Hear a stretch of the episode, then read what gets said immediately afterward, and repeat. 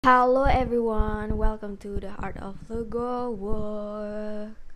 Kembali lagi bersama aku Iri.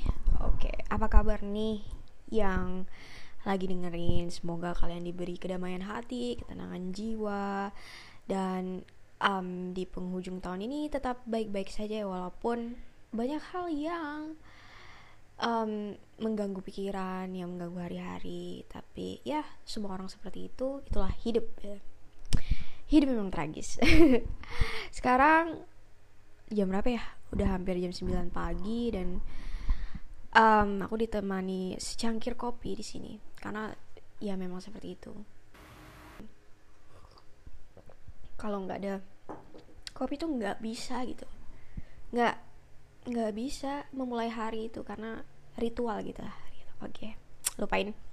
Nah di episode ini aku mau um, ngebahas suatu peno peno satu fenomena nih yang menjadi pusat atau yang menarik perhatianku beberapa minggu ini. Jadi um, uh, ceritanya gini. Nah beberapa minggu yang lalu ya udah dua mingguan ini jadi di ekspor aku itu um, lagi mewabah gitu. Tren keuwuan. Kalian pasti ngerti kan maksud aku. Ya tren keuwuan ya. Yang dipopulerkan oleh uh, para pengguna TikTok sih biasanya. Biasanya sih yang dari aku uh, perhatiin ya. Nah yang menjadi menarik di sini adalah uh, para pelaku pelaku konten keuwuan ini saudara adalah saudara-saudaraku sesama muslimah gitu ya.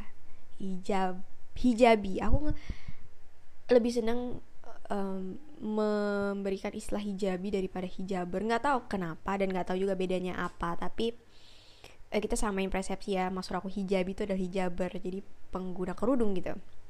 Nah nah. Um, dan ya kontennya uwu ya. Jelas uh, sangat ah apa namanya membuat batin para jombloan dan jombloati itu meronta-ronta melihatnya. Padahal kita tuh sebenarnya awalnya nggak apa-apa gitu sebelum menonton itu kan. Oke okay. nah yang seru dari kita khususkan di sini konten-konten keuuan yang dilakukan oleh sister-sister hijabia nah yang seru tuh pasti ya bagian melihat ko melihat komennya gitu kan jadi ya netizen netizen netizen di kolom komentar itu kan terbagi menjadi beberapa kubu. Ada yang mensupport ada yang cuma nontonin dan jelas ada yang mencekam ya.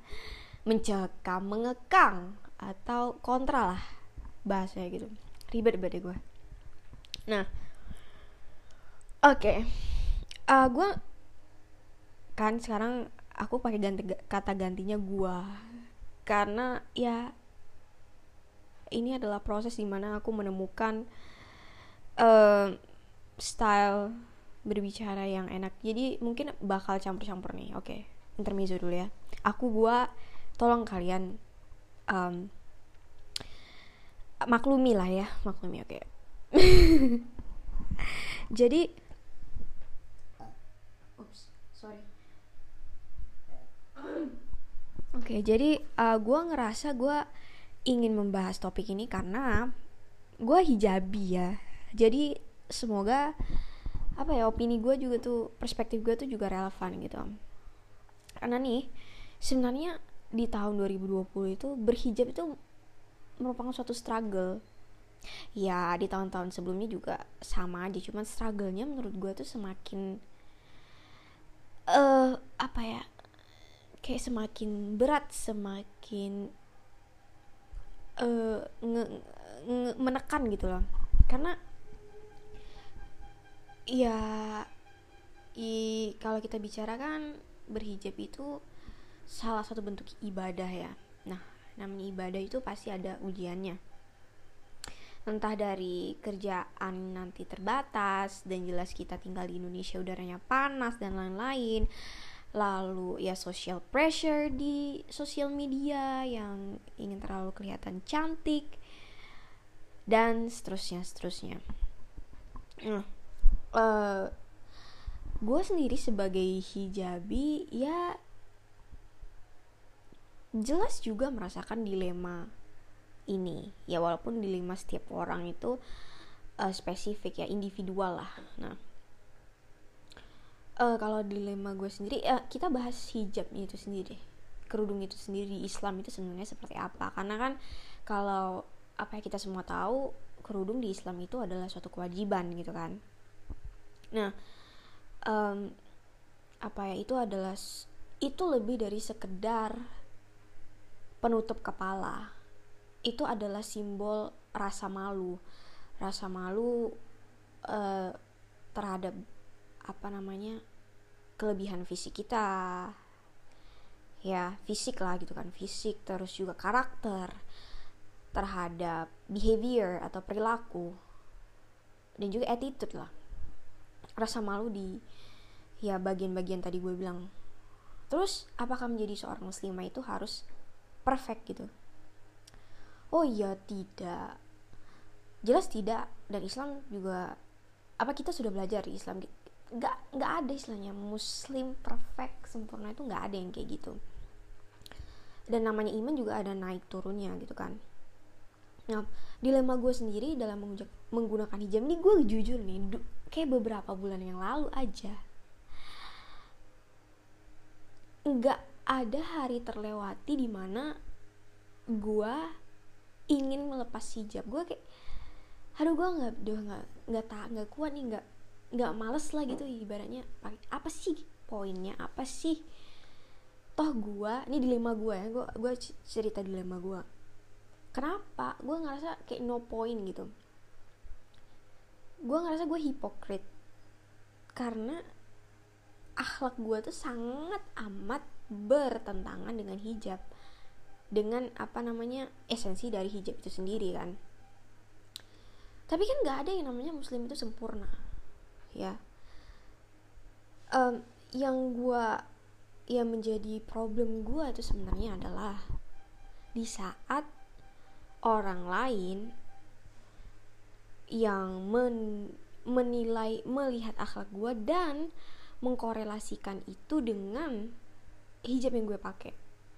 Jadi akhlak gue itu adalah apa ya representasi dari Islam itu sendiri. Nah it, itu yang menjadi problem gue karena nggak semua orang mampu secara sadar uh, apa nih apa namanya me, merangkul yang namanya accountability dan responsibility dalam menggunakan hijab. Kayak nggak semua orang tuh sadar kalau di balik menggunakan hijab itu ada responsibility ada tanggung jawab yang harus apa ya yang harus dijalankan gitu yang ikut bersamaan dengan saat kita menggunakan hijab itu itu yang hilang sebenarnya sih yang banyak gue lihat kan. Termasuk gue sendiri. Dan gue sangat sangat nggak suka gitu kalau hal gue tuh direlasikan dengan Islam. Itu yang kayak gue nggak suka karena gue walaupun gue bukan apa ya orang Islam yang um, yang religius lah kasarnya.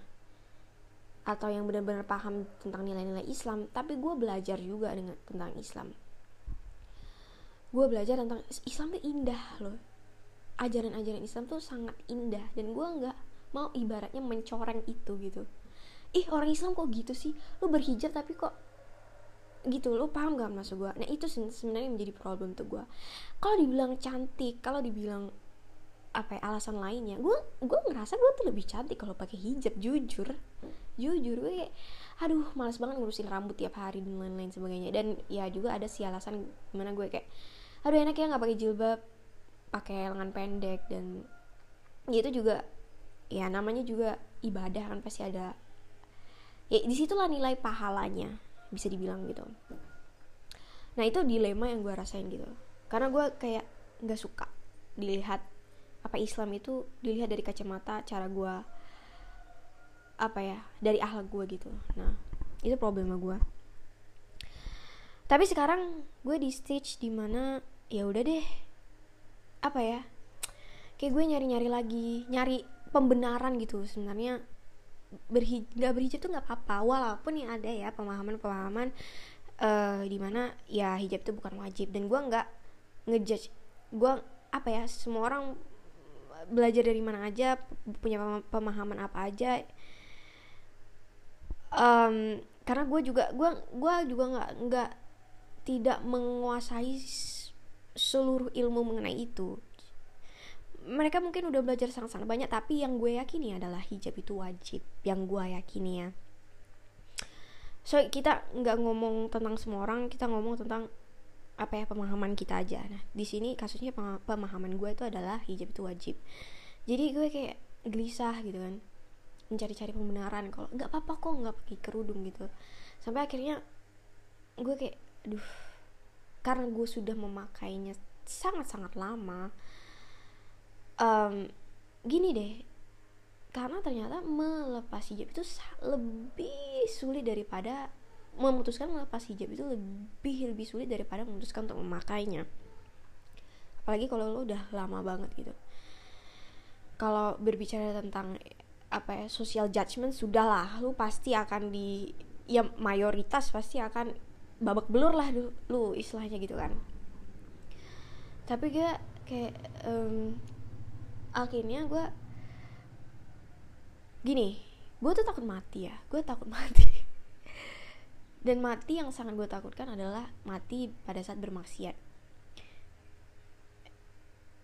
Um, gue ingin menjadikan semoga nih gue sampai mati gue tetap berhijab karena ibaratnya gue adalah satu ibadah yang udah kayak ya Tuhan ini ini gue ngelakuin ini karena lu gitu loh karena gue takut sama lu. Karena gue tahu menurut lu tuh ini tuh yang bagus buat gue walaupun gue sebenarnya kadang-kadang nggak ngerti poinnya apa.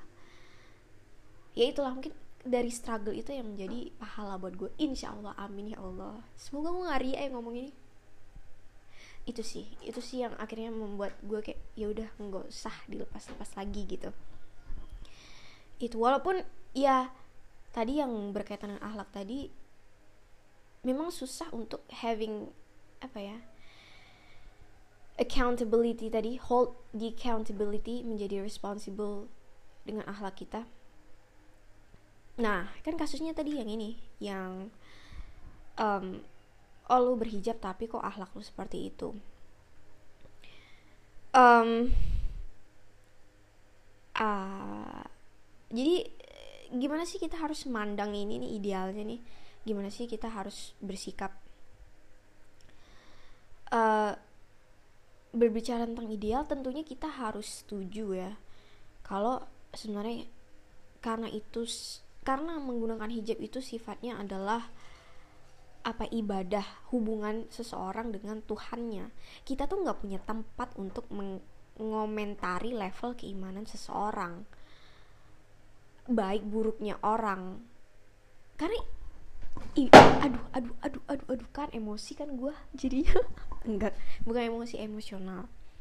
Karena ibaratnya kalau kita udah me berani mengomentari ih dia tuh buruk ih dia tuh apa alim bla bla bla gitu.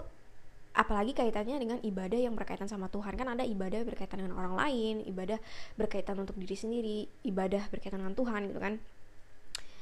Nah ibadah yang berkaitan dengan Tuhan itu ibaratnya kita kita tuh sama-sama punya raport nih. Tapi kita kayak ngurusin raport orang padahal kita tuh juga harusnya kita tuh concern atau khawatir dengan isi raport kita. Kita tuh malah nggak tau gak sih kayak ngediktein raport orang logikanya tuh gitu. Jadi ya di awal kita harus setuju kayak kita tuh nggak punya tempat nggak punya hak untuk mengomentari itu. Idealnya tapi kalau sebagai seorang muslim nih idealnya tuh kalau kita ingin menginginkan kebaikan untuk saudara kita ya ya kalau kita mampu kita nasihati. Kalau dia tetap enggak menerima nasihat kita ya nasihat menasehati pun ada adabnya juga ya enggak sih? Kalau dia tidak bisa menerima nasihat kita ya kita doakan gitu. Ya udah sampai di situ doang gitu. Kalau memang kita menginginkan kebaikan untuk saudara kita itu atau saudari kita itu um, gitu sih menurut gue iya. Kalau ya dari perspektif Islam memang idealnya seperti itu. Karena terkadang kita mengomentari itu apa kita mengutamakan ego kita aja lah. Lu tuh salah. Harusnya tuh lu seperti ini gitu. Dan coba deh coba deh coba deh coba deh coba deh dipikirin. Kalau ada orang yang ibaratnya nunjuk-nunjuk kita kayak gitu emang kita mau terima nasihat itu? Enggak walaupun yang dikasih tahu itu bener. Kayak nggak bisa dengan apa ya nasihat yang diberikan dengan ego dengan apa ya eh, dengan metode seperti itu tuh jarang bisa diterima apa? Aduh contoh contoh simpelnya gini aja lu kalau dimarahin orang tua aja walaupun orang tua tuh orang tua lu itu bener nggak nggak bakal mau terima kan? Disalahkan orang tua lu apalagi ini orang lain yang nggak kita kenal gitu ibaratnya. Jadi apa ya useless gitu. Nunjuk-nunjuk kayak gitu tuh useless. Itu hanya akan menambah menambah bensin ke api yang nyala-nyala. Gitu sih logikanya menurut gue seperti itu namun memang ini tidak membenarkan apa yang saudara kita ini lakukan. Karena yang disayangkan yang menjadi masalah di sini adalah mereka itu adalah influencer. Maksudnya mereka mempunyai nggak influencer lah. Gue nggak begitu suka dengan kata influencer sebenarnya. Apa ya? Uh, uh, mereka mereka tuh punya banyak audiens ya influencer lah yang mempengaruhi cara pandang si penonton ini yang rata-rata juga kan usianya masih belum dewasa gitu kan. Itu sih yang kita sesalkan. Walaupun at the end, at the end of the day ya orang terserah sih mau ngelakuin apa aja mau ngapain selama itu tidak mengganggu kita ya bodoh amat gitu kan. Bodoh amat tapi um, yang disayangkan itu dia tidak merasa bertanggung jawab dengan audiensnya. Walaupun sebenarnya di, walaupun mereka nggak pernah ngeklaim kalau mereka itu adalah influencer atau role model atau apa pun itu.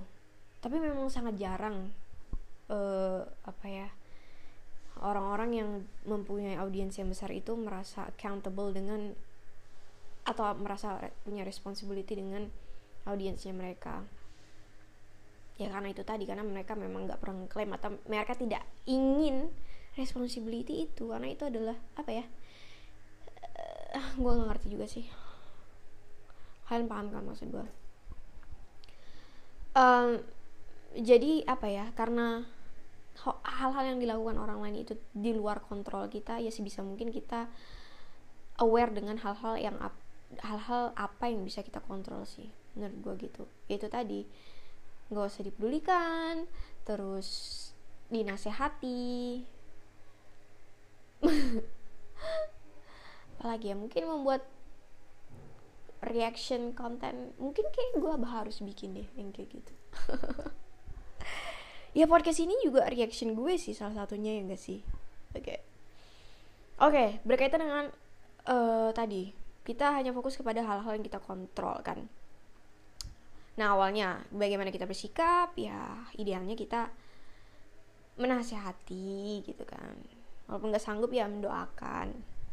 Nah lalu gimana sih kita menyikapi atau melihat uh, sister hijabi ini kan apa ya lu pasti ngerti gak sih hijabi zaman sekarang itu banyak jenisnya banyak macamnya banyak kubunya gitu kan. Um, dan apa ya kalau mau dibilang niat seseorang memakai hijab itu juga kadang-kadang tidak berdasarkan apa yang seharusnya gitu. Kalian pasti percaya kan? Ada kok yang pakai hijab karena dia ngerasa dia lebih cantik pakai hijab. Hanya sebatas itu. Itu ada. Itu ada. Jadi um, balik lagi hijab itu banyak hanya sebagai fashion statement atau bentuk mengekspresikan diri. Apakah itu salah? Nggak salah. Itu balik lagi ke dirinya masing-masing. Dan kayak yang gue udah bilang tadi itu bukan hak kita untuk menilai niat orang intention orang. Ya enggak hmm. Gitu tapi yang maksudnya ini tuh gue bilang ini supaya kita aware kalau nggak semua orang itu berhijab dengan niat ya karena itu wajib gitu. Yang menjadi yang menjadikan itu sebagai fashion state, statement itu ada. Cuman kita nggak apa ya kita nggak perlu ngurusin lah dia mau fashion statement ke nggak perlu apa. Tapi apa ya yang gue kalau gue bisa punya unek-unek nih sama hijab itu um, mau nggak mau akan ada tanggung jawab di balik hijab itu sendiri. Dan karena sekarang adalah era uh, di mana malah aib itu diumbar-umbar. Apa ya? Apa gue minta orang untuk lebih dewasa kali ya?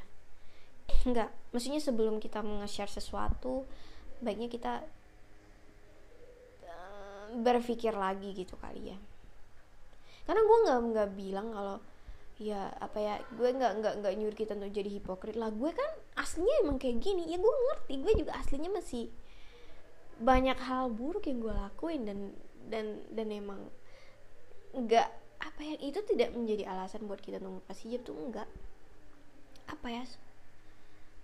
Um, ya ya kita memang manusia manusia emang gitu. Kita punya banyak flaws punya banyak aib punya banyak dosa. Cuman yang jadi masalah kan sini jangan sampai kita nunjukin itu ke orang. Kalau bisa kita simpan sendiri. Gitu.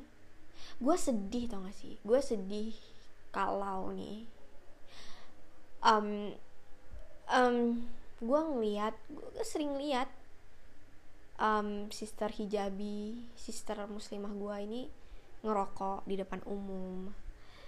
Lalu nongkrongnya sama anak-anak motor. Dengan gaya selengeannya. Gue jujur gue sedih banget. Gue kayak dalam hati bilang duh lu tuh lepas aja deh hijab lu gitu kan.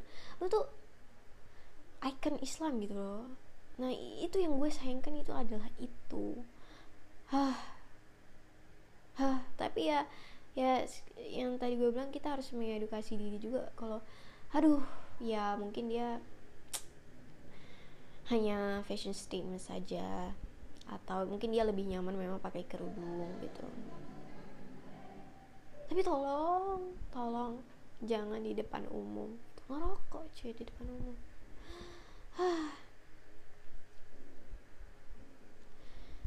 Ya mungkin itu aja sih untuk episode kali ini unek-unek gue